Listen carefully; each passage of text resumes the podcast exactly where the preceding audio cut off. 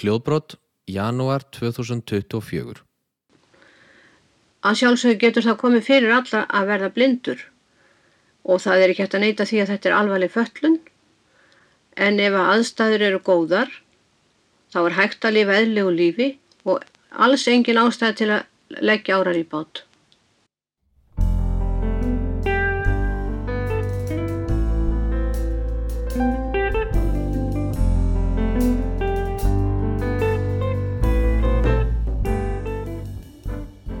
Já, komið sæl og velkomin í hljóðbrott. Það er komið árið 2024 og hér sitt ég Eithór Kampan Þrastarsson og með mér er að vanda Hlinur Þór Agnarsson en við erum líka með gest í þessum þætti og það er hann Gísli Helgarsson. Komið sælir.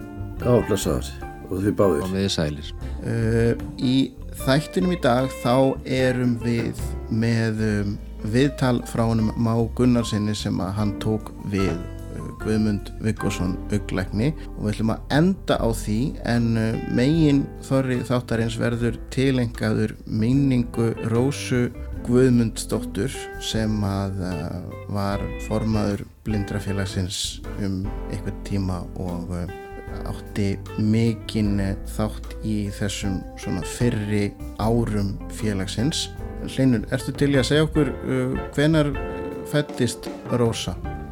Sko, Rósa fættist í Austurhlýð í laugadalunum sem var þá bara sveit 8. oktober 1923 og hefði þannig orðið 100 ára í oktober í fyrra. Uh, Blindrafélagi hjælt 5. desember minningar samkomi um hana í opnu húsi sem var mjög viðjandi það sem ég skilst að, að opið hús og, og fleiri félagslegir gjörningar í starri blindrafélagsins eru nú eiginlega sprotni frá henni og hennar fólki. En það er svolítið svona þegar maður fer að skoða svona fyrri partin af svona hennar lífi og hennar svona uppvakstar ár eins og maður segir, hún fætti í austurlíði laugadalunum og fluttist síðan setna sko bara í, í sérst, vogana í Reykjavík sem var þá sveit. Þá, þá þarf maður svolítið mikið að setja sig í ákveður svona og átta sig á því hvernig Reykjavík var svolítið allt öðruvísi þá heldur hún er í dag. En Rósa er mjög og var mjög skemmtilegu karakter þó ég hafi náttúrulega aldrei, aldrei kynst henni persónulega. Og það er rosalega margt samt sem ég, sem ég tengi við sjálfur, við hana eins og með svona forðast ofverndun, mikið sjálfstæði drivkraftur og margt svona jákvætt í hennar fari. En mér fannst það einmitt kjörið að fá Gísla Helgason hérna með okkur þar sem að hvorki ég nýja Eithor náðum að kynast Rósu en, en það gerðið þú Gísli, með það ekki? Jú, jú, og ég mann fyrst eftir Rósu þegar ég var eitthvað tíu ára gammal þá bjóð ég á samt Artúri týpurabróðum mínum að bjarga okkur á það sem blindarskónin var og þetta var í rauninni elli heimili þarna var fólk fætt 1870 pæliði því og við 52 Já. þannig að það var gríðalegur hérna, aldursmun á milli okkar peja og, og þeirra eldstu. Eh, Rósa ringdi í mig og spurði hvort ég vildi ekki eh, koma eitthvað sunnudaginn, taka legubíl, fara á ákveða heimilisfang og hún ætlaði að búa til ís hand okkur týpurum. Og þannig hófst við nátt okkar Rósu og við vorum eh, miklir vinnir þegar ég er bara alla tíð og ég eiginlega hálfpartin misti fótana þegar hún dó þá held ég mig mesta sumar upp í sveit og var að taka upp plötuna Ástarjáttning sem við gaf út til þess að kaupa nýja blindarældursprentara og tilengaði Rósu og mannunum hennar einari haldursinni blindarkennara plötuna. Mér fannst einmitt uh, svo flott þessi litla klippa sem við heyrðum hérna í upphafi þar sem að Rósa er að, að draga saman vantalega eitthvað sem hún hefur að ræða um uh, blindu og þessi skilaboð virðast algjörlega ekkert hafa breyst. Þetta er nákvæmlega það sama og ég myndi vilja segja við þá til dæmis sem að standa fram með fyrir því að missa sjónina. Þetta er bara nákvæmlega það. Blinda er vissulega eitthvað sem við þurfum að takast á við en er algjörlega hægt að, að svona ná tökum á og lifa eðlilegu lífi. En gísli hvernig karakter var Rósa Guðmundsdóttir? Rósa var svona frekar hlétræg á köplum en þegar hún fór í stuðginn þá held enginn eftir að henni. Hún var óbáslega kátt og skemmtileg og eh, sko hafði ofsalega gaman að því að, að hérna þegar menn sprelluðu. Sem dæmi getur sagt ykkur að einhvern tíman heimsótt ég Rósi á hérna förstaskvöldi og þegar ég, ég kem upp á hvað þegar ég fjóra þær sem hún bjó þá stendur hún í dyrn og ég segir svona uss og svo dró ég fæturna og hendi eftir manni sem hétt Gerðar Dalaf og segi já, já, gott kvöldir það, það er alltaf jafn mikið af fólki hér. Og Rósa sarði já, blessaða Gerðar kom inn og ég dró fæturna og þarna var inni maður sem ekkert sá að sagði selgreðar og þá sprakk rosa af hlátri og bara gæti ekki á heilum sér tekið fyrir því að hún hlóð svo mikið og mikið óbáslega var þessi maður sem sá svakalega reyður Það var húmor í henni. Það var mikið húmor í henni og, og hún sko þegar hún var á, á, á stjæmtunum þá næði henni bara að vera með sítarinn sinn og slá hljóma á hann og, og þá bara brast á fjöldasöngur Já og svo var hún Sko, skáldmælt. langar, já, svo var hún skáldmælt. Og, og það kannski nokkurn veginn í blóðborið, jáfnvel Já, rugglega frá skáldurásu Já, því að langa, langa, langa minnar. Og það finnst mér það finnst mér bara svakalega merkilegt sko. ég, ég verð nú eiginlega bara viðkjanna og svona vanþækkingu mína en sko, ég held að skáldarósa hefði bara verið uppi sko 1300-1400 eða eitthvað, það, það held ég sko. En, en sko aftur að því sem Eithó talar um varandi þessi skilabóð sem að Rósa færði okkur í, í upphafi þetta er vissulega, þetta, þetta er síkild skilabóð og eiga ennþá vel við í dag. En, en hversu algeng ætli þau hafi verið á þessum tíma? Svona stilabóð Já, að, að sko tala fyrir sjálfstæði og þess áttar. Sko Rósa talaði alltaf fyrir sjálfstæði og málið er að, að blindarfélagi vart aldrei einangrað á, á, á tíðanbili og það opnaðist ekki almenlega fyrir að Haldur Ragnar kom þarna og varð síðar formaður og á þessum árum þá gekk í félagi mjög mikið af blindið eða sjónstjárstu ungu fólki. Það var meðal undirritar og fleiri. Ég skalum bara alveg ímynda mér að, sko, að, að verða blindur hafi verið svona nokkus konar félagslegur dauðadómur á, á þessum tíma fyrir marga. Já, allavega, já, ég held að því að menn held að þeir gætu ekkert eftir að verða blindir og það kom nú fram í viðsján, e, e, e, viðsján ykkar að Haldur fór til Breitlands í tíu vikur og kom gjörbreyttur maður eftir endurhæfinguna og sko Haldur hann, hann gerði ekki allt en hann gerði flest sem hann vildi gera. Hann til dæmis tilenga sér aldrei hérna tölvutekni en, og, og lærði aldrei punktaletur en svona sem uh, fóristum að vera ómetalegur í, í málutnum blindra og sjóstjæstra En mér langar þá strákar að því að við erum bæði búin að þess að vera að ræða svona fyrstu ár blindrafélagsins en við erum hérna með, með upptöku þessum að Rósa Guðmundsdóttir er að uh, spjalla við Arþór Helgason um uh, stopnun blindrafélagsins og að heyra það. Gjarnan. Rósa Guðmundsdóttir var að formaða blindrafélagsins. Hvenar var blindrafélagi stopnað? Það var stopnað laugadaginn 19. ágúst 1939 og fundurinn var haldinn að Ingolstætti 16 í húsi Blindravinnafélags Íslands. Stofnendur voru 13, þar segja 10 aðalfélagi eða blind fólk og þrýr styrtarfélagar. Og það fjölgaði náttúrulega smátt og smátt í félaginu og fljóðlega eftir þennan fyrsta fund. En fór nú kannski frekar hægt. Vakti stofnun félagsins aðtikli á meðal almennings? Ég get nú ekki sagt að það hafi, var, ekki kannski stóra aðtikli en, en það var nú spáð heldur illa fyrir þessu fyrirtæki. Það þóttu nú óþarfi að vera að stopna nýtt félag eins og það var kallað. Það sem Blindravinnafélag Íslands var til, hafði starfað í sjö ár En nú er því ekki neitt að Blindravinnafélag Íslands hefur verið og er þar stofnun sem styrtarfélag blindra. Hver voru í raun og veru tildrögin þá fyrir því að þið tókuðu ykkur til að stofnuðu Blindrafélagið?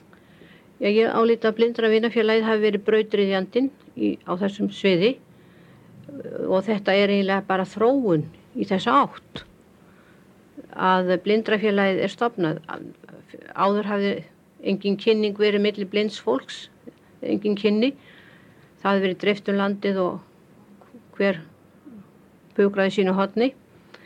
En eftir að blindrafélagið Íslands er stopnað þá og skólinn er komin og vinnustofan, blindraðinn, þá fer fólkið að kynnast, það fer að hugsa um sín málefni, það fer að berast, það fara að berast áhrif frá Danmörku til dæmis og öðrum löndum og um, ég álita Málfríður Jónasdóttir frá Kolmúla, það var átt fyrstu orðin að stopnum blindrafélagsins. Hún sagði bara við okkur að því stopnum við ekki blindrafélag hér eins og annar staðar. Nú ég ætla að segja þið frá því að, að Særup, Hans Kai Særup sem var formaður blindrafélagsins í Danmörku, ég hitti hann 1963 þegar ég fór á fund til, Noregs og hann sagði bara við mig hreint og beint ekki hafið nú stopna blindrafélag upp og þurru, eitthvað félag hefur á undan. Og, og já, ég sagði blindrafélag Íslands hefði verið til áður. Og þá segir hann svona hlægandi að já þá hafa þeir hjá blindravinafélaginu orðið svolítið reyðir eða móðgæðir við ykkur að fara brölda í þessu, að fara búið stofna nýtt félag. Og þetta kom mér svolítið óvart að hann skildi nú vita þetta. Og þá sagði, sagði hann já ég náttúrulega veit ekki beint en ég, ég gerir mér það í hugalund því svona hefur það allstaðar verið.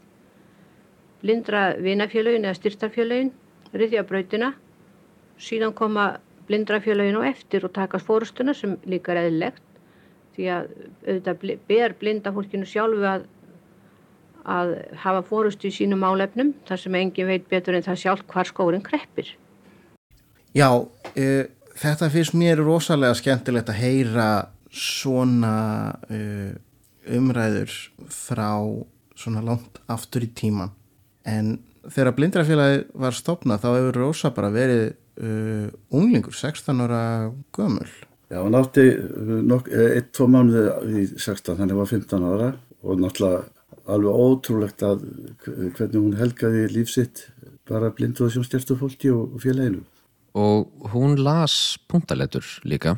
Já, hún lærði punktaletur þegar hún var 10 ára og síðar fór hún að skrifa upp bækur og það var þannig að blindarkennarinn Einar Haldursson sem síðan var maður hennar, hann las upp fyrir hann að Hlinur koma sem var eitt sem tónlistamæður koma fluttið til Selfoss punktur.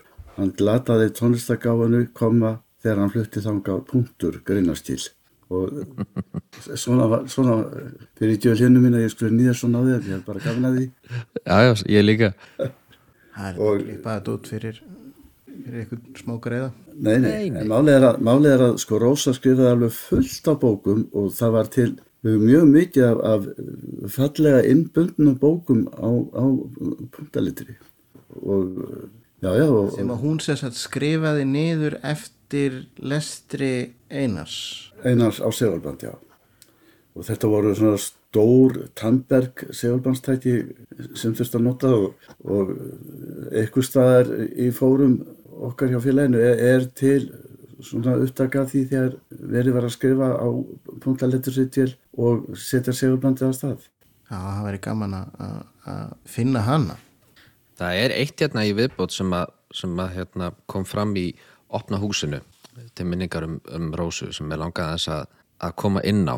Það er þetta, þegar hún var ung, svo við hérna, svona ljúkum kannski svo til þeim kabla, að hún var náttúrulega í ágæðlega stórum sískinahóp og var það var margt á bænum og ég man nú ekki nákvæmlega hvað hún var ung þegar hún misti sjón. Hvað hún hefur trúlega verið bara eitthvað kringu fjara fimm ára? Nei, hún var fjara ára.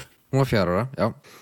En þá hún var að tala um hérna að til dæmis í heiskapnum að þá fekk hún samt svona sitt hlutverk. Að hún fekk alltaf að vera með og taka þátt í öllu sem að gert og fá að bera ábyrð og hennar ábyrð var ekki lítil á þessum tíma því að hún bar ábyrð á því að hlusta á veðufréttir og taka eftir því sem að þar kom fram því að, og ef hún gerði það ekki þá gæti það þýta heiskapurinn hefði bara farið svolítið illa.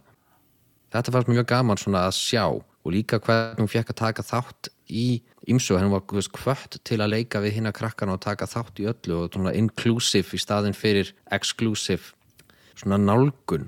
Og ein minning hérna sem kom fram var að þegar það var, kál, það var kýra bera og allir krakkarnir hópuðust um og, og hún sagði, þú veist, ég vil líka sjá.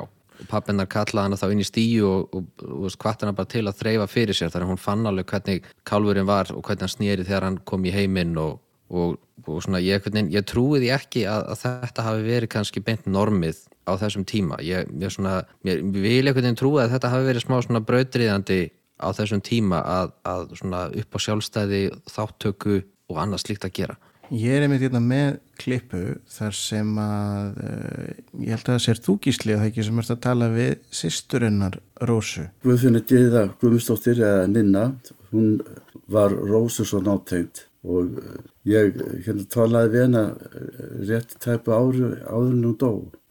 Hvenar? Það var, það var hérna dóttirinnar Ninnu, Helga Magnúsdóttir sem var einmitt með mér að, að gera þessa dagská í opnu húsi fyrir blindarfélagið. Hvenar, hvenar er þetta viðtal tekið við hennan hinnu? 2011. Skulum heyra aðeins uh, hennan hinnu spjalla um uppvöxtinn þeirra rásu. Hvernig voru umlýsárin hjá ykkur og, og barnaskan? Sko, mér, ég man ekkert eftir nefnum bara mjög skemmtilegri æsku því að við vorum þarna eiginlega halvu upp í sveit og þeir sem kom í heimsóknum helga þeir gistu yfirleitt, þetta var svo langt að fara úr bænum. Það var náttúrulega ekki stræðsvagnar nema kannski tvísar á dag til að byrja með. Og svo var það nú jógst það nú eitthvað svona með áránum en um, þetta var hóa skemmtilegt það var mikið um að vera á margt fólk kaupa menn og kaupa konur og, og eins og ég segi mikið gestagang það kom kannski 30 manns í, í eftirmyndiskaffi á sunnudegi En þú sagðir að Rósa hefði verið með í öllum hlutum. Já. Ekkert tíma heyrði ég það að hvort það var kýra að bera eða einhver, hérna, einhver dýrafæði það og, og hún baði hann að fá að skoða. Já, það var svo leiðis að, að pappi uh, alltaf að leifa okkur að sjá þegar að, já, kýrin var að bera en náði Rósu og sagði að hún er að fá að fylgjast með þessu líka og hann lefði henni að þreyfa það alveg og hún leið og kalfurinn byrtist og kom svona smátt og smátt og Rósa fylgist alveg með því eins og við. Og hvernig tók kýrin þessu? Mjög vel. Það er þekkt okkur allar. Já, þetta er, þetta er alveg frábært. Já, þetta var alveg frábært. Hún sem sagt var með í öll og það var náttúrulega, ef hún var kannski að vaska upp og það var venilega að einn vaskaði upp og annar þurkaði og, og þá voru náttúrulega sömyndi átti hissa kannski ókunnu í gerstir hvað er hún látin blindastúlkan látin vasku upp? Eða skúra eitthvað svona. En það þótti bara alveg sjálfsagt. Hún átti að gera eins og hinn börnin saði Kjartan Ólarsson auglagnir við mamma og pappa fyrir alla muni látið hann að gera allt eins og hinn börnin Mannst eftir ég að, að þú hafi verið þvingu út af hennar föllum? Nei, ég man aldrei eftir því. Við vorum mjög góða vingunur og sko Gógu var nú eldri og hún var með henni svona meira fyrst. Svo kom það í minn hlut setna því að Gógu fór á í hveragerði í einn mánu og ég man ekki hvað hvað hérna, það var svona batnaheimili eitthvað svona helsufars ástæðum þá var hún þar í mánuð og þá tók ég eiginlega við Rósu og eftir þá vorum við alltaf samlokur Já. og svo á unglýns áraunum sko það eins og Rósa þau, þau voru eiginlega vest en þá bjargaði Garðar uppeldisbróður minn málinu og las svo mikið fyrir hana. Akkur voru unglingsára svona slæm? Já bara því að þá voru við að gera svona ímislegt lett eða henni fannst það erfiðast. Við vorum að kannski að fara á skólaböll og, og hún gætt það ekki það var ekkit í, í hennar skóla neitt slíkt. Já, mér finnst þetta stórmerkilegt. Það, það er bara, bara svo leiðis og, og, og klárlega marka spór í því hvernig Rósa þróaðist síðan sem karakters út í það að vera einn af stoppfélögum blindrafélagsins aðeins 15 að vera 16 ára gömul og halda síðan áfram í svona ákveðnu forsvari. Og, og það voru líka ímisleg sko, ímisverkefni sko tengd blindrafélaginu eins og hinn árlega merkjasala sem ég veit nú ekki alveg hvenar, hvenar hætti en það var með talað um í opna húsinu að, að það var rosalega mikið gert að þegar hún bjó í vógunum, í vógatungunni að, að þá var hérna, bara eldúsborðið bara tekið undir það að útbúa merkin fyrir hinn áralegu merkjasölu blindrafélagsins að stinga títiprónum í gegnum ykkur merki og festa litla fána og þannig svona þetta starf fór alveg inn á heimilin og fólk hjálpaðist þarna að. Það var líka annað sem að, sem að hérna, ég hjó við að, að Rósa ferðaðist mikið og bæði innanlands og erlendis en hún ferðaði svolítið einn þekkir þú eitthvað inn á, inn á það gísli? Hvernig það hefur verið? Já, ég veit ekki hvort það var mikið einn á ferðalögum en allan að þegar hún fór til Danmerkur til þess að málinni blindur og sjóstistar á Norðundunum þá var hún einn en Ninna sýstirna hún var oft með henni og í klippu þá er til alveg rosalega lýsing sko, þegar það er gengu einhvert einstígi einhver starf í fjöllum og og Ninna hafði svona Rósa hálfpartin á mjöðminn á sér þannig að Rósa fylgdi bara eftir eh, hennar gungulægi og eh, þær voru langt á undan hópi sem það voru í því að það þurfti að leiða flesta eh, hérna, yfir, yfir, þetta einstígi að því að fólk hafa bara skítrætt en þær hérna sýstu litur sér hafa þetta. Ég hef heyrt utan að mér að það hefði ekki allir sáttir við að hvernig þú komst fram í Rósu, þú fórst með henni í alls konar fjallgöngur. Já, já. og margir töluðum að það hefur hálfpartinu ofbóðinni í, í fjallgöngum. Er þetta rétt? Já, já. Þetta er alveg rétt. Ég get þið frá einu til dæmis einu að mörgum ferðum okkar. Við gengum nefnilega mjög mikið. Að við vorum í Þórsmörg í viku, vorum í tjaldi og í skálanum líka. Það var mest gaman að vera í hvortvekja. Helga, dóttur mín, var stundum með okkur og við fórum þarna, við vorum einu sinni þarna tvær við Rósa og það var nokkuð að vinnu félögum mínu þarna líka þessa viku. Og eh, svo erum við í gönguferð með gesti Guðfinnsinni, hann var farastjóri og við fórum inn í Húsadal og fórum e, þaðan á Merkurranan og í bakaleiðinni þá er hann ákveðin í því það langar nokkra að fara valarnjók skriður sem er nú ansið svona hættulega mörgum og ekki gott fyrir loftræta. Það er aldrei mikið svona einstígi og hengiflög staðar. En um, það átti að fara hestagili en svo er ákveðið að nokkri farið þannig skriðunar og gestur segir þú, þeir sem ætlaði að fara skriðunar verði hér. En þeir sem ætlaði hestagilið fari hérna og það var ákveðin maður sem ætlaði að vera þeirra farastjóri en gestur ætlaði að vera farastjóri þeirra sem fóru skriðunar svo ég fer þanga með Rósu. Ég segi, eigum við ekki bara að skella okkur í skriðunar þú ert svo flink. Hún var búin að fá reynslu að ganga uh, hérna upp uh, niður allt við slippugil og, og inn í stórenda og upp þar. Og bara búin að fá heilmikla reynslu. Og við ákveðum að fara. Og þá bara kemur nexluna svipur á marga. Þú ætla þó ekki að fara að fara með henni sýstuðina skriðurnar. Já ég nú hugsa mér það segi ég. Ég trúi þessu ekki segir þannig einn sem að vinnu félagi minn að þú ætlar að leggja í það. Þá segir gestur Guðfinnsson þeim er, ég treysti þeim alveg því að ég er búin að fara með þeim einstígi áður. Ég treysti þeim. Og fólki var svo sund bara mjög neyslað að ég skildi voga mér þetta.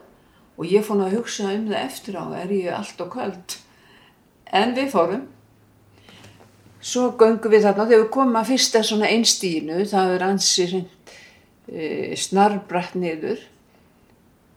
Þá notum við þessa tækni að ég set hendina hel, Rósa heldur í hægri hendina á mér og ég set hana svona upp á rönd á mjöðminn á mér. Og þá finnur hún mína reyfingar alveg.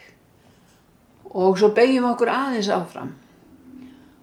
Og ég fyrir fremst með rósu og svo göngum við þarna hvert einn stíð á fætur öðru þannig til við komum að kletti sem við setjum stundir. Og þá segir Rósa hvað er allt fólkið? hvað er fólkið? Já það er verið að leiða það yfir einstíði segi ég. Það er langt í burtu. Við vorum komið langt á undan. Þá var verið að leiða þetta hrætta fólk að nefið sko. En við þetta gekk alveg ofsalega vel hjá okkur Rósa var alveg snillingur í þessu. Já, hérna þessi klippa uh, viðtalsklippa sem að segja frá þessu ferðalagi þeirra í Þórsmörg minnir mig alveg ofbóðslega mikið mitt á dótturinnar Rósu Helgu Einars sem að lest því meður langt, langt fyrir aldur fram og var fyrir mér alveg gífurlega mikilvæg uh, persóna en Helga var ennabla líka rosalega mikið í útivist. Já, Helga var eiginlega eina af þeim fyrstu sem ég svona kynntist og mann eftir í, í Hamrallið 17 og í gegnum sko framhaldsskólagönguna mína, hún var, hún var nokkuð sko bara blindra mamma mín á þessum tíma. Og hún stopnaði hérna gönguklúb og útivistafélag blindrafélagsins Heljarmannafélagið startaði því alveg og, og það félag er enþá alveg starfandi í dag það er enþá farna gönguferðir og ímislegt sem að hún rutti brautir fyrir sem er enþá, enþá að gerast í dag en er þetta ekki svona, er þetta eitthvað sem hún hafði bara frá móðu sinni? Ég hugsa það og náttúrulega Helga var svo nátengd henni ninnu, sýsturinn Rósu og hérna Helgu Magnúsdóttur sem var með mér í, í þessu dæmi því að hún heitir í höfuð á, á sýstur Dóttur Rósu. Mm. og ég hugsa að Rósa hefði frekar ítt undir það að hún stundaði mikla útivist. Og ég var alltaf eftir við Helgu. Það er illa gert að hlæja því en einhvern tíman hitti hann og hún var í haldir og sjotti og segir gísli ég var að, að lappa upp á jökulundaginn og ég lendi í snjóflóði. Og hún lág eh, upp undir hálf tíma undir snjófartíma þánga til henni var bjargað Hver Helga? Já Já, Já ég hérna, ekki alveg hvernig ég var að segja þetta en sko ég held að Helga hafi verið svo manneskja sem að ég allavega hef kynst sem að hafiði í rauninni hvað mesta trú á getu og hæfileikum blindsfólks til þess að að gera ímislegt en það var Helga umförliskennari. Jó, en alltaf hún hefur haft þetta beint frá mömmu sinni og munið eftir henni Dóru Hannesdóttur sem var á skrifstofufélagsins, en ekki gjaldkjæri félagsins. Þegar Dóra sótti um vinnu hjá blindrafélaginu þá segjum frá því að hún heimsótti Rósu og Rósa böðin inn og segir fyrirgjáðu ég hérna þarf að klara að skúra og Rósa leggst á kolvið og vindur hérna tusku í, í hérna klúturfötu og skrýður eftir golfinu og, og þvær golfið hún alltaf sá ekki til þess að þannig að hún var bara nota fjóra fætur og hún var sett í það þegar við byggum í austullíð að, að skúra alltaf eldurskólfið einu sinni í, viku. Og þetta þótti ill meðferða blindufólki Já, en svona uh, áðunum við ljúkum þessu þá langar mig að spila hérna, við vorum að ræða húmórin hennar Rósu og hérna við erum með, með gaman brak sem, a, sem að hún sönga á einhverjum. Hún söng þetta á 40 ára amali blindarfélagsins 40 ára amali blindarfélagsins Já. Í hamraliðinni þá? Í hamralið og ef þið hlusti á þessu upptöku þá heyriði að hún les byggt á punktalitri Sem heyra þetta hennar Já, góður gestur, félagar varir. Ég ætla að fara hérna með leirburð í léttum dúr með, með alvarlegum undirtón. Karl Esrarsson ætlar að leika hér á gítar og ég ætla að raula undir. Og ég ætla að byggja alla sem eru viðstættir að taka undir þetta alkunna viðlag hæfættir, rífættir, allala. Eða við viljum gera svo og hressilega. Eitt sinn fyrir æfa laungu, hæfatir ífatir allalla, tíu blindir stóð í ströngu, hæfatir ífatir allalla. Blindra fjela þeir byggu til, vísna mörgum þótti það glæfra spil. Hæfatir í, hæfatir á, hæfatir ífatir allalla. Hvað er að heyra ussum sussum. Hæfattir ífattir allalla Já því líkt brölt í þessum skussum. Hæfattir ífattir allalla Já þetta fyrir allt til anskotans og aftur verður flúið til sama lands. Hæfattir í, hæfattir að, hæfattir ífattir allalla En enginn hefur aftur snúið. Hæfattir ífattir allalla Og heldur ekki að hólmi flúið. Hæfattir ífattir allalla Sex eru farnir í feðrana heim En fjórir eru hérna og ég er ein af þeim. Hæfattir í, hæfattir að Hæfattir ífattir allalla Þau leiðu sér plass við laugavegin Hæpaður ípaður allala Í kjallara hólu hýrðust gregin Hæpaður ípaður allala En engin maglaði yfir því Hér átti að hefjast sagan í.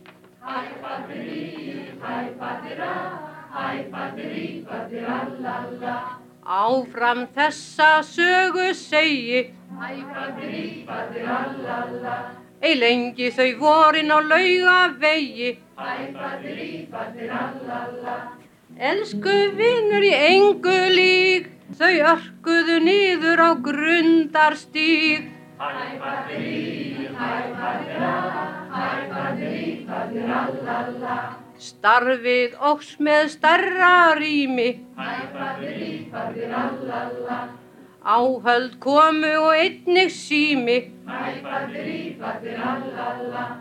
Sjálfur hver kom sama vor sem var mikið gæfu spór. Mæpa drífa, mæpa drífa drallalla. Félagsmönnum fjölgar líka. Mæpa drífa drallalla. En áherslu legg ég á það ríka. Hæfattir ífattir allalla Að þjóðin okkur lagði lið Lítið væri annars félagið. Í, hæfattir að Hæfattir ífattir allalla Nú fóru menn að hugsa hærra. Hæfattir ífattir allalla Hús skildi reysa helmingi starra Hæfattir ífattir allalla Fengið var lóð við hamra hlýð Höll þar nú stendur voldug og fríð. Í, hæfattir að Hæfattir ífattir allalla En einu meigum við aldrei gleyma. Hæfattir ífattir allalla Við eigum hér dýran arfað geima Hæfattir ífattir allalla Og ekkert kemur að sjálfu sér Samstarfið er það sem gildir hér. Hæfattir í, hæfattir að Hæfattir ífattir allalla Einnig vil ég á það minna Hæfattir ífattir allalla Að sjáand og blindir saman vinna. Hæfattir ífattir allalla Við styrtar félaga eigum að Afar mikilvægt tel ég það Hæ padri, hæ padra, hæ padri, padra la la Og núna öll við sýtjum saman Hæ padri, padra la la Óskaplega er það gaman Hæ padri, padra la la Það ættu að dinja við húra hróps og höllin nötri við þessi óp Hæ padri, hæ padra, hæ padri, padra la la Blindra félagi lengi lifi Húrra, húrra, húrra, húrra Hæfattir ífattir allalla Trallalalalalalalalala Hæfattir í, hæfattir að Hæfattir ífattir allalla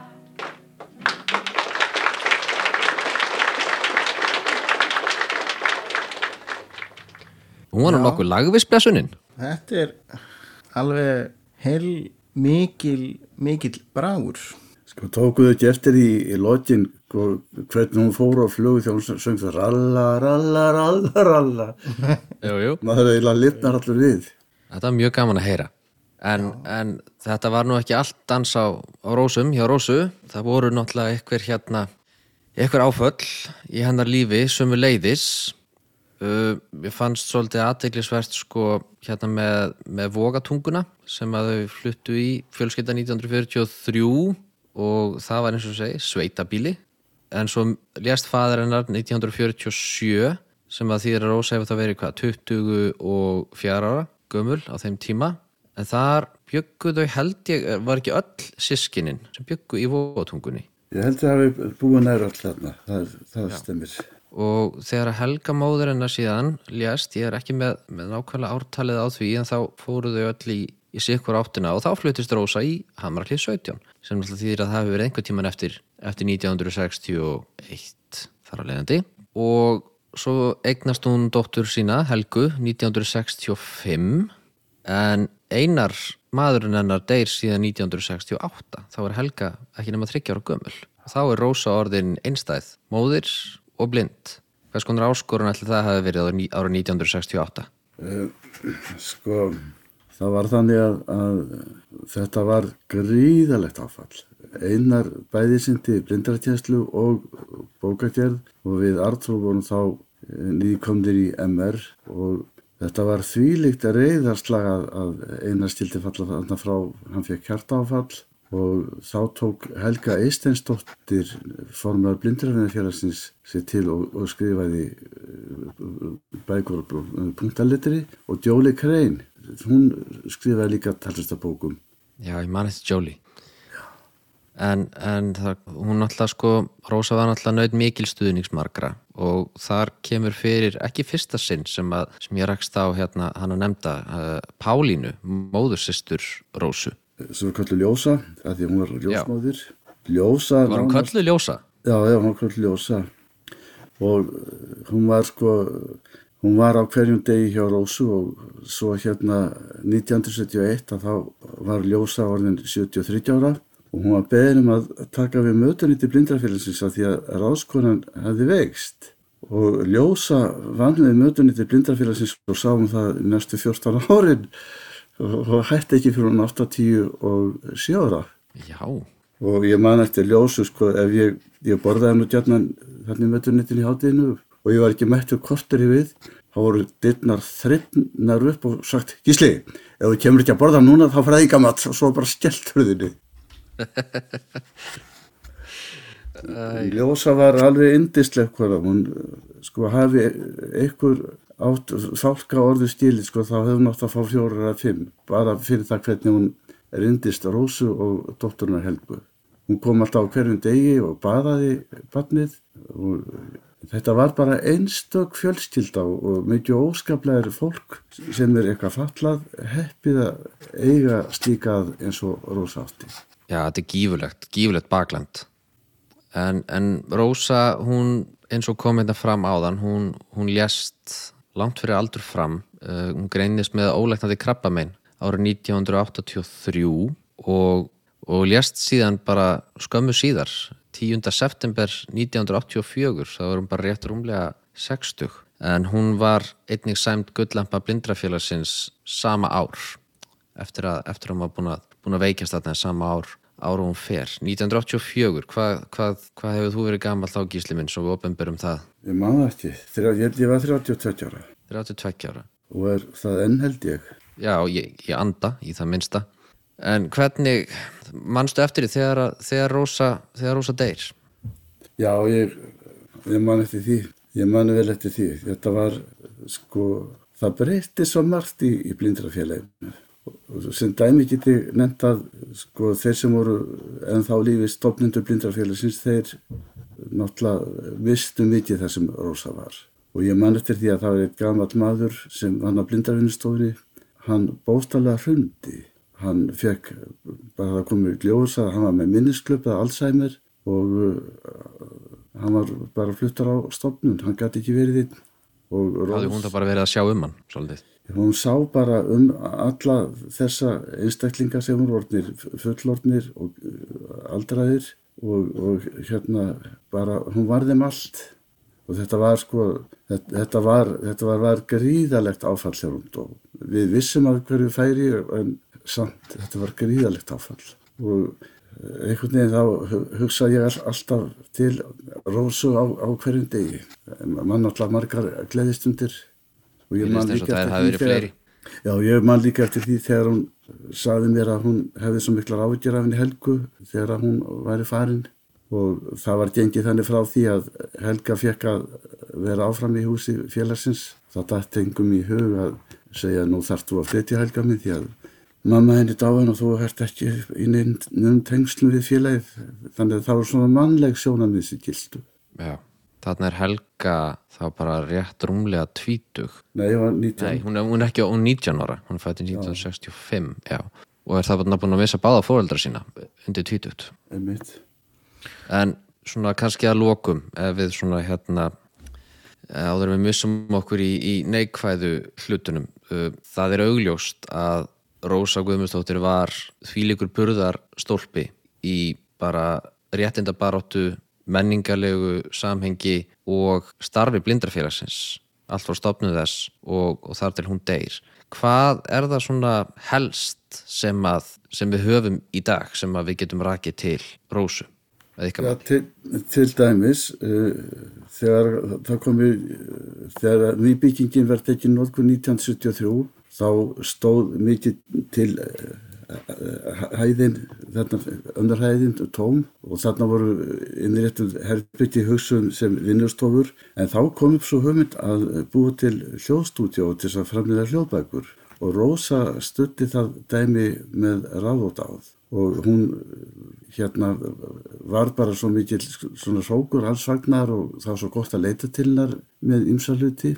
Hún æðraðist aldrei yfir hlutónum og ég held að hún var bara svona ofinber húsmáður í Hamralí 17 og var svona bara prímus mótor í, í félaginu. Og þetta var rétt sín mannestja, hóvar og ég veit ekki hvað ég get sagt mér að það mættu margir, margir hérna taka sér hann til fyrirmyndar bæði hvað framkomi verðar og svona viðhorf til fólks Sko fyrir utan það hvað Rósa var hérna, mikilvæga mannistja í blindrafélaginu þá tók hún þátt í til dæmis starfi tómstundanumdar sem ég var í á sem tíma og haldur rafnar og við höfum heilt auðlýsta franska viku á Hotel Loftleðin og við ákvaðum að fara með uh, þá sem vildi koma með, bæði blinda á sjónstjarta og Hotel Loftleðir og við fórum 15-20 manna hópur þar með Rósa og þegar við setjumst á borði í,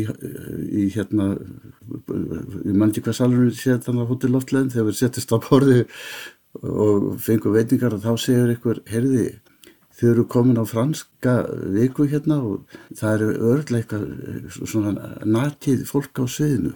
Og Haldur Átnáf saði, já við viljum fá sjónlýsing á þessu og Rósa tók rækilega undir það. Og svo hóst tónlist og dans og fáklættara fólk hefur vart séð, sést hér á landinu. Og menn voru óskaplega nextlaðar á því og letu okkur heyra að það hefur verið að fara með blind fólk á nektarsýningu. Ég finnst frábært þarna að þarna er strax farið að kalla eftir sjónlýsingum eitthvað sem Já, við hefum ennþá verið að vinna í og berjast fyrir í dag, bara á síðast ári. Þetta finnst mér æðislegt. Já, en ég held að við kannski látum þetta gott heita af því að við eigum eftir að heyra viðtal sem að Már Gunnarsson hefur tekið við hann Guðmund Vikvarsson augleikni sem að hefur líka lengi verið viðriðin heim blindra og svonskerstra. Annar merkur maður sem mætti alveg búið til heilan þáttum. En uh, Gísli Helgarsson, kæra þakkir fyrir komuna virkilega gaman að hafa þið með okkur til að heidra minningu Rósa Guðmundsdóttur. Já, takk fyrir að bjóða mér. Og takk að þér kærlega fyrir gísli og við segjum þá bara sæl að sinni og klippum yfir á hann má. Takk fyrir að hlusta Góðan dag, góður hlustendur hljóðbróts, Már Gunnarsson heilsar ykkur hér uh, á nýju ári, fyrsti mánuður, um, janúar 2024 og ég er að vissu ekki í mannsestar akkur núna, ég er í Reykjavík og er að taka hér viðtal í svona eigin personu og þetta er í fyrsta skipti sem að ég geri það fyrir allavega þennan þátt. Og um, hjá mér er stattur uh, góð vinnur uh, okkar í blindarafélaginu Guðmundur Vikursson, auglæknir, blessaður Já, blessaður Már. og ég er nú bara hérna heim í stofinniðin líka Já, gott að sjá þig. Já, sömu leiðis, Mál til komið. heldur betur og takk fyrir að taka á móti mér var lítið. Gummi, mér langaði svona aðeins til þess að heyra í þér bara núna þekkið þú náttúrulega mig og rosalega marga aðra félagsmenn bara ert búin að þekkja okkur í alveg fjölda mörg ár Það er rétt. Ég er náttúrulega búin að vera viðriðin blindra málefnin alveg frá 1985. Þegar ég byrjaði sem yfirleiknir sjónstöðverðinnar. Já, Það eru hvað, 30 ár síðan. akkurat Og hérna, e, og, og þekki náttúrulega öll þessi blind og sjónskertu börn alveg frá fæðingu þeirra. Já, eins og þig, þar með þig sjálfan. en, en núna er svolítið svona breyting hjá þér, er það ekki? Núna Jú, er nú eru kafli. vatnaskil eins Nú og, vatnaskil. eins og oft uh, á lífinu að ég ákvaði vor að, að, að láta gott heita með auglæknis störf, störf mín. Já, Ég er búin að vera með reka stofu svona eh, eiginlega alla tíð frá því ég kom til starfa, það var eh, 1981, já, 1981, þegar ég kem úr sérnáminu og þá byrjaði ég að vinna á stofu alltaf með spítalvinnunni og uppskurðunum og sjónstöðinni sem var lengi hálfstagsvinna en var svo í lokin að fullu starfi og þá hætti ég á landspítalanum um þar með uppskurðunum og það er alltaf sagt að þegar skurðlækni sé betra hætt og snemm en of seint, já skilur kannski á hverju. Þannig að það ekki gera eitthvað mistök allt í hennu nákvæmlega. Já. En þannig að þú ert, þú ert þá hættur bara núna og, Já, og nú bara, er ég já, eða því miður allir að segja, kannski ætti ég að segja sem betur fer, hættur, um, og, einhver myndi segja mál til komin. en, en Gummi, ef við spólum aðeins tilbaka Já. Hvað ertu gamall eiginlega? Ég veit ekki hvort ef að ég verið að básunera það eitthvað, en ég er 77 ára. Þú ert 77 ára Já. og þannig að þú ert fættur 1947 Sex, fyr- reyndar. 46 Já. 46, já, amma er fætt 40, 47 Já. ég held að þið var jafnkvæmur Já, það er svona nokkurn veginn. Hvað svona letið þig ef við bara svona tölum aðeins um þig bara sem og, og þinn feril í auglækningu, þú ert náttúrulega einn svona helsti sérfræðingur okkar í auglækningu Já, það má segja ég sé kannski fyrstur að læra barnauglækningar svona sem sérgrein. Hörðu, ertu til að segja með þess bara frá því Já, bara svona, bara, Ég, ég var orðin sérfræðingur eh, 1980 já, og þá kom hérna yfirlæknir augdeildarinnar sem var Guðmundur Björnsson eh, þá að málu við mig og sagði að það vantaði svo tilfinnalega einhvern sem að eh, væri sérmentaður í barnauglækningum og, og mælt, mæltist eiginlega til þess að ég færi út aftur og, og, og bætti við mig. Já. Og þá fór ég aftur til Svíþjóðar en, en þú 80 byrjar á því að læra auglækningar bara al, al, almennar, já. Já, Já, það var mikið hérna heima fyrst á mm. augdildinni og síðan fór ég til Lundar í Svíþjóð. Og það er háskóla staður með mjög færu fólki og, og góðri mentun. En var það eitthvað sérstætt eh, eitthvað frekar en annað sem að leti þig upprunlega út í auglækningar? Já, það var, sko ég ætlaði mér alltaf að vera verkfræðingur þegar ég Já. var í, í mentaskóla. Það er ekki alltaf að vera flugmaður? Jú, þa- þar fyrir utan. Það var, ég var diskvalifiseraður að grándaður mjög snemma Já, já. út af, út af sjóninni, sko. Ég var svo nærsýn. Já. Ég var Og landsins. ákvæmst að vera auglæknir í staðir. já, já, það er kannski eitthvað samband en það er mikið að læknum í minni fjölskyldu en og afi minn var, var fyrst yfirlæknir landsbítalans Guðmundur Tórótsen og sýstir hans var fyrst í barnalæknir Íslands Katrin Tórótsen og móðubróður minn var auglæknir Skúli Tórótsen og fullt, fullt að læknum bæði föður og móðurætt. En hérna Ég, mér gekk alltaf mjög vel í, í starffræðilegu fögunum, starffræði og eðlisfræði og stjórnufræði og þess átta fögum, en maður er ekki alveg eins góður í, í mörgu öðru eins og sakfræði og íslensku og ensku og, og það þótt eiginlega sjálfsagt ef manni gekk vel í starffræði og eðlisfræði í mentaskólanum að þá færi maður í verkfræði. Já. Og afi minn manna þegar ég var nýjónum stúdent og þá gerði hann sér ferð heim til fóraldra minna, ég bjóð þó í, í, fó- í föðurhúsum og, og hann gerði sér ferð heim til okkar til þess að reyna að telja mér hugkvarf, hann hafði frétti að, að fara í læknisfræði og saði þú ætti ekki að fara í, þú, ætti að fara í verkfræði, sagði hann. Já. nú, nú af hverju? Já, þú getur reiknað sagði hann. Hún þarf að vera sóun og hæfileikum Já, að fara í læknisfræði. En eh, hann átti tvo bræður sem báði voru verkfræðingar ég skilði nota benni En þannig að þetta voru svona helstu Já, bara út úr eh, starffræði. en, og, og akkur ég valdi læknisfræðarna á síðast árunni í mentaskóla það var af því ég hafði svo góðan kennari í náttúrufræði, það var Örnólfur Torlasius sem að var nú mikið í sjónvarpinu, vísita þettina þar. Og uh, hann var afskaplega skemmtilegu kennari og, og hann opnaði augum hans fyrir því hvað mannslíkaminn er raunverulega mikil vél og flókin vél og það væri alveg full ástæð til að rannsaka uh, lífið og lífkerfið og, og reyna að hjálpa fólki að hægt væri. Og, og þetta var bara einhver árátta hjá manni að þessi hugsun. Og ég hafði mjög gaman að lækna deildinni mér alveg elskaði að læra læknisfræði. Skemmtilega sem ég hef gert og ég bara var gráti nær þegar námið var búið. Náminu var lokið vegna þess að ég fannst svo sorglegt að get ekki lært meiri í læknisfræði. Þá hjælt manni að, að manni er eitthvað tíma fullnum en auðvitað er maður alltaf að læra og, og það hefur haldið áfram út alla æfina þessi símentun En nú hefur einmitt verið viðriðin blindra samfélagið eh, Já, lengi já. Og, og þekkt okkur alveg í langan tíma. Hefur ekki séð alltaf mikla svona breytingu Jú, jú. á, á þessum tíma? Jú, mér hefðist nú alltaf skemmtilegt þegar Haldur Rafnar eh, sagði við með einhver tíma að það væri markmið blindrafélagsins að útrýma sjálfu sér. Já. og mér fannst það svo skemmtileg svona hugsun og nálgun einhvern veginn á viðfónsefnið forvarnarstarfið að, að, að reyna að koma í vekk fyrir sjúkdómarinn að eh, lækna þá í, í, í frum bernsku þannig að þeir leti ekki til blindu og, og svo framvegis. Og, og í og með þess vegna lendi ég nú þarna í sjónstöðuna því ég var með þessa mentun í, í, í samtöð börnin.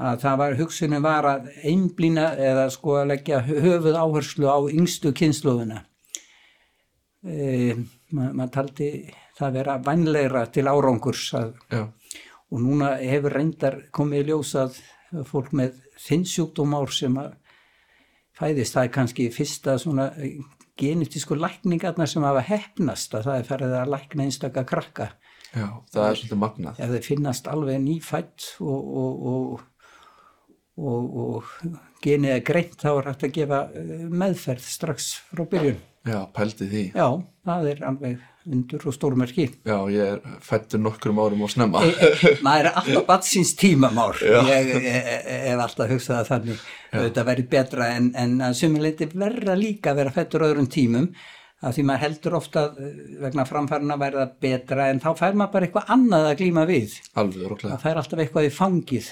Það er endur alveg góð, hérna, góð nálgun á þetta. En ef við horfum svona samfélagslega, finnst þér einhver svona viðhorf bæði kannski innan og uh, utan blindra samfélagsins hafa allir svona þróast og breyst? Já, ég, ég er eiginlega alveg viss um það. Sko, þetta var, var í gamla dag voru menn sem voru mjög uh, merkir og miklu brautreðendur á sínu sviði sem voru að horfa á að, að uh, blind fólk gæti verið matvinnungar og, og gæti riðið körfur eða eitthvað svona sko. En, en svo kom þessi nýja hugsun að að blindur og sjónskertir eru með fullu viti og, og, og eiga bara að stunda nám eins og hver an, að, hverjir aðrir og stunda bara nánast hvaða starf sem er í þjóðfélaginu. Og svo bætist tölvutæknin við og, við og ég gerði mér strax eiginlega grein fyrir því að hvað þetta væri mikið undratæki fyrir sérstaklega þessa blindu og sjónskertu krakka sem Já. vera að byrja að, að feta sig áfram í lífinu. Og það hefur aldrei sér reynst. re- ég hefur reynst sansbára í þeim efnum þetta með eh, að geta talað við tölvurnar, geta hlustað á þær og geta hérna, rökrætt við þær Já. með gerfigrindin í dag og það er alveg bara, ef einhver hefði sagt mann þetta fyrir svona nokkrum áratugum að hefði bara ekki hald trúa einu orða af því sem hann sagði. Nei.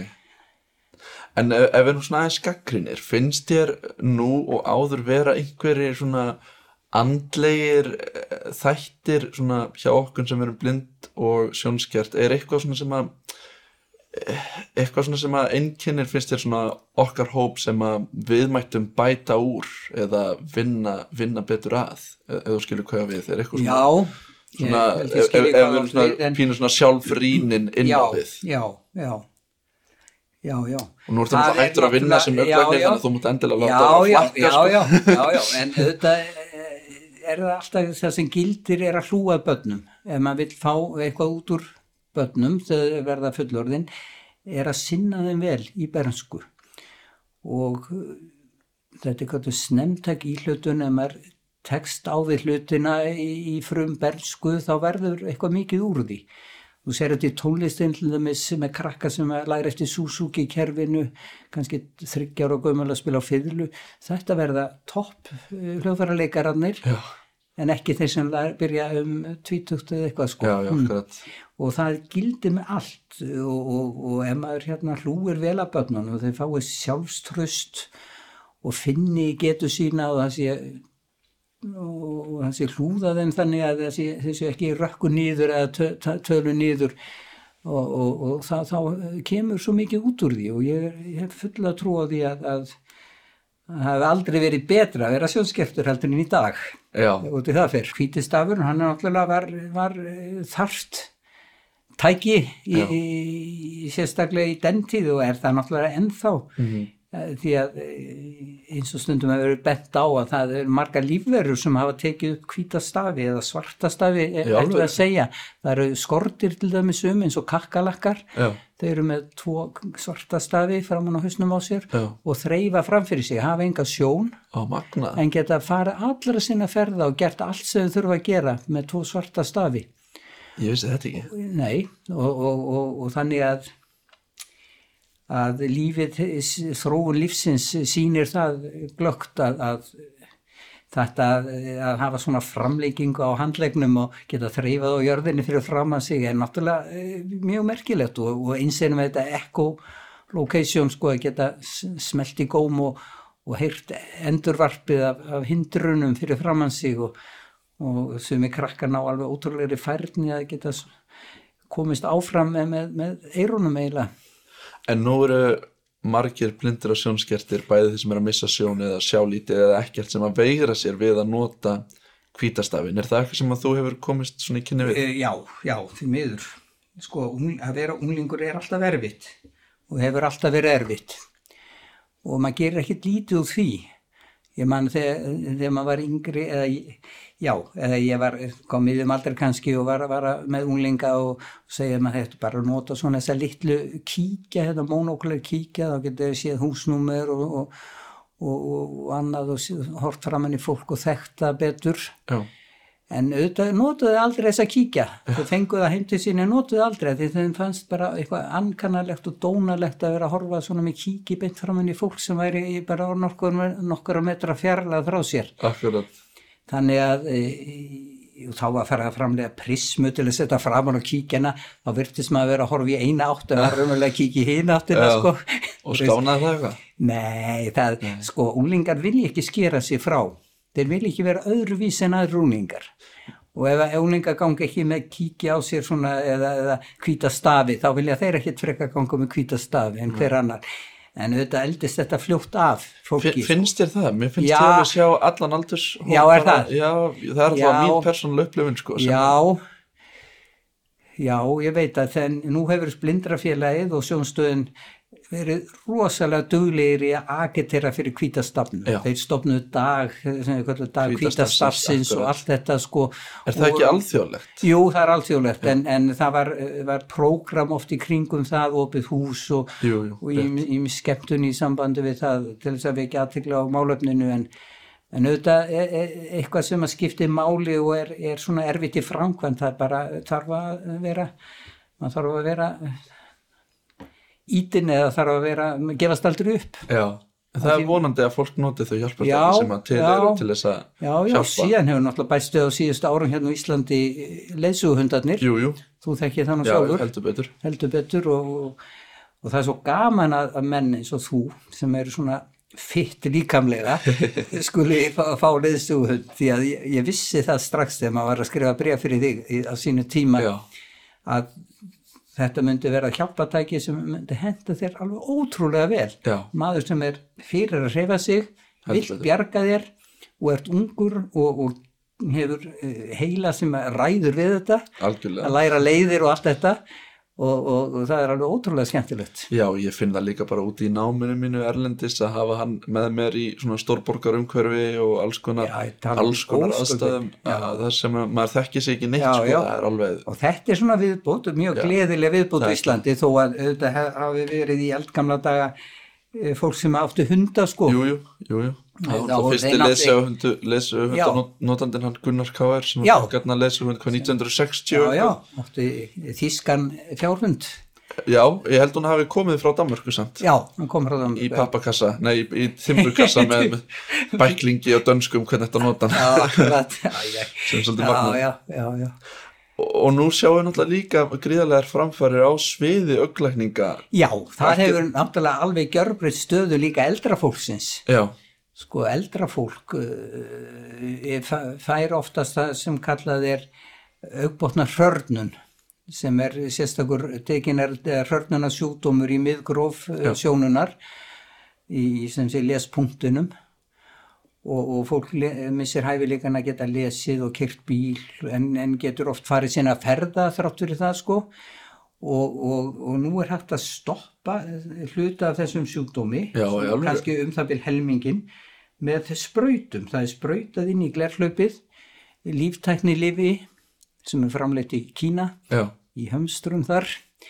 Og, og þetta líftæknilif það hindrar nýjaðamyndun í botninum og, og kemur í vekk fyrir svona bjú og blæðingar sem var e, það sem fór með lespunktin já, á því að það gæti þeir farið bara yfir nótt allt inn í lespunktin og fólk bara vaknaði yfir morgunin bara búin að tapa heilmikill í sjón og er þetta Svo orðið aðgengilegt Já, hér? nú er þetta aðgengilegt hér og, og það er alveg sko hundruð manna sem fari í þetta hverju mánuði En hvenar sko þarf fólk að fara í þetta áður en þetta gerist? Eh, Sko, hvernig, nei, fólk fer í þetta þegar það byrjar að sjá bjagaða mynd. Það er oft fyrstu einkennunum að sé komin bjúur í augbotnin. já, Að það er eins og, þú getur hugsað sjónhimnan er eins og filma í myndavél, er krumpa á filmunni.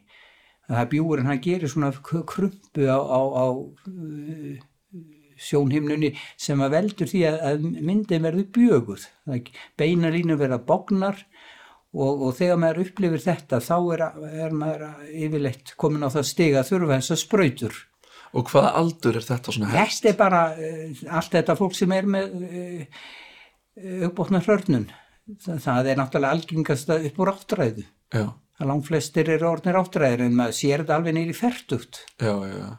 En Já, hjá þetta hlýtur að vera gríðarlega breyting En eftir sem þú verður eldri eru líkurnar alltaf meira og meira að þú fáir þennan sjúkdóm. Mhm. Þetta er svona aldurstengt og það er sagt að ef maður lifir til 100 ára aldurs þá séu maður örugum með að fá þetta.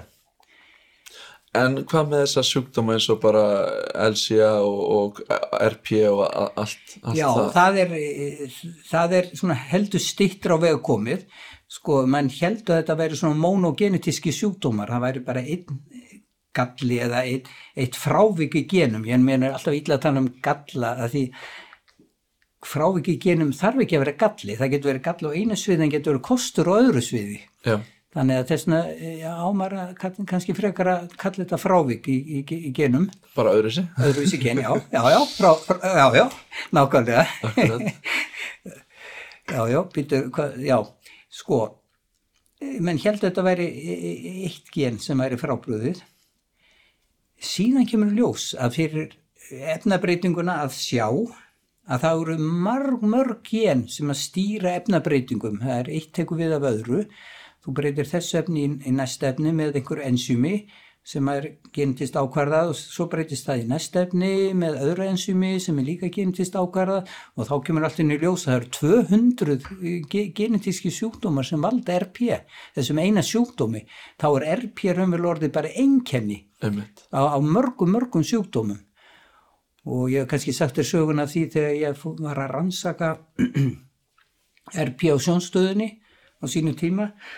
Ég held að veri 80 eða 60 eða hvað við náðum í 60-80 sjúklinga og ætlum að flýta okkur eh, í, í, í genetísku rannsóknunum og rannsaka bara þessi fimm algengustu gen í heiminum fyrir RP já,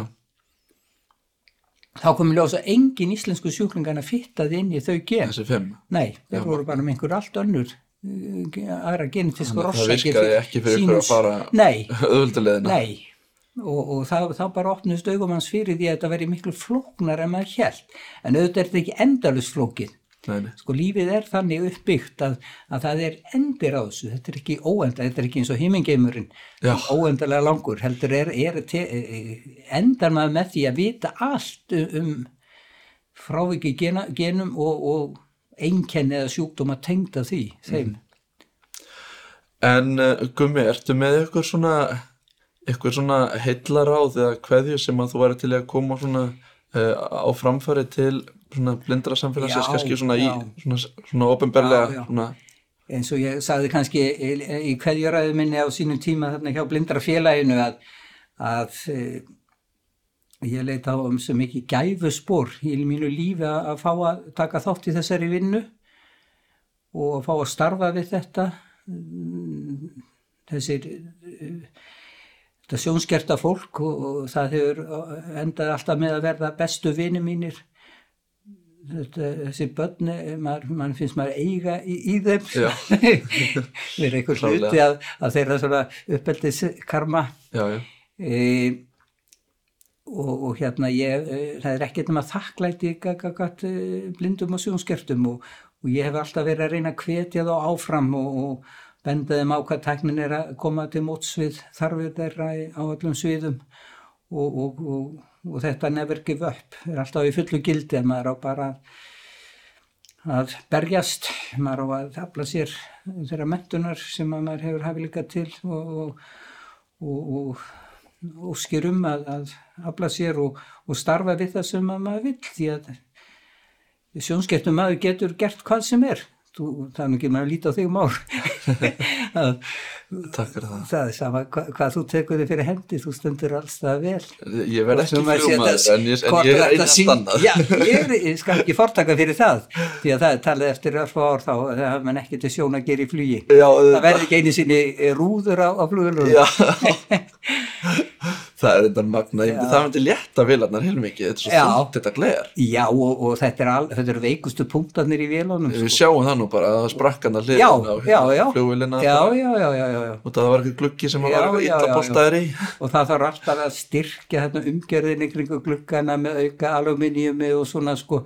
Þannig, og, og, þeir segja núna verði bara svona veist, Skjáir. skjáir fyrir glugga og svo bara e, myndavelar fyrir Já. en það sér alveg jafnvel Nú ertu hættur að mæta upp á stofuna en að gummi, hvað ætlar að gera í staðinn? Já, ég já, hvað er ég að gera?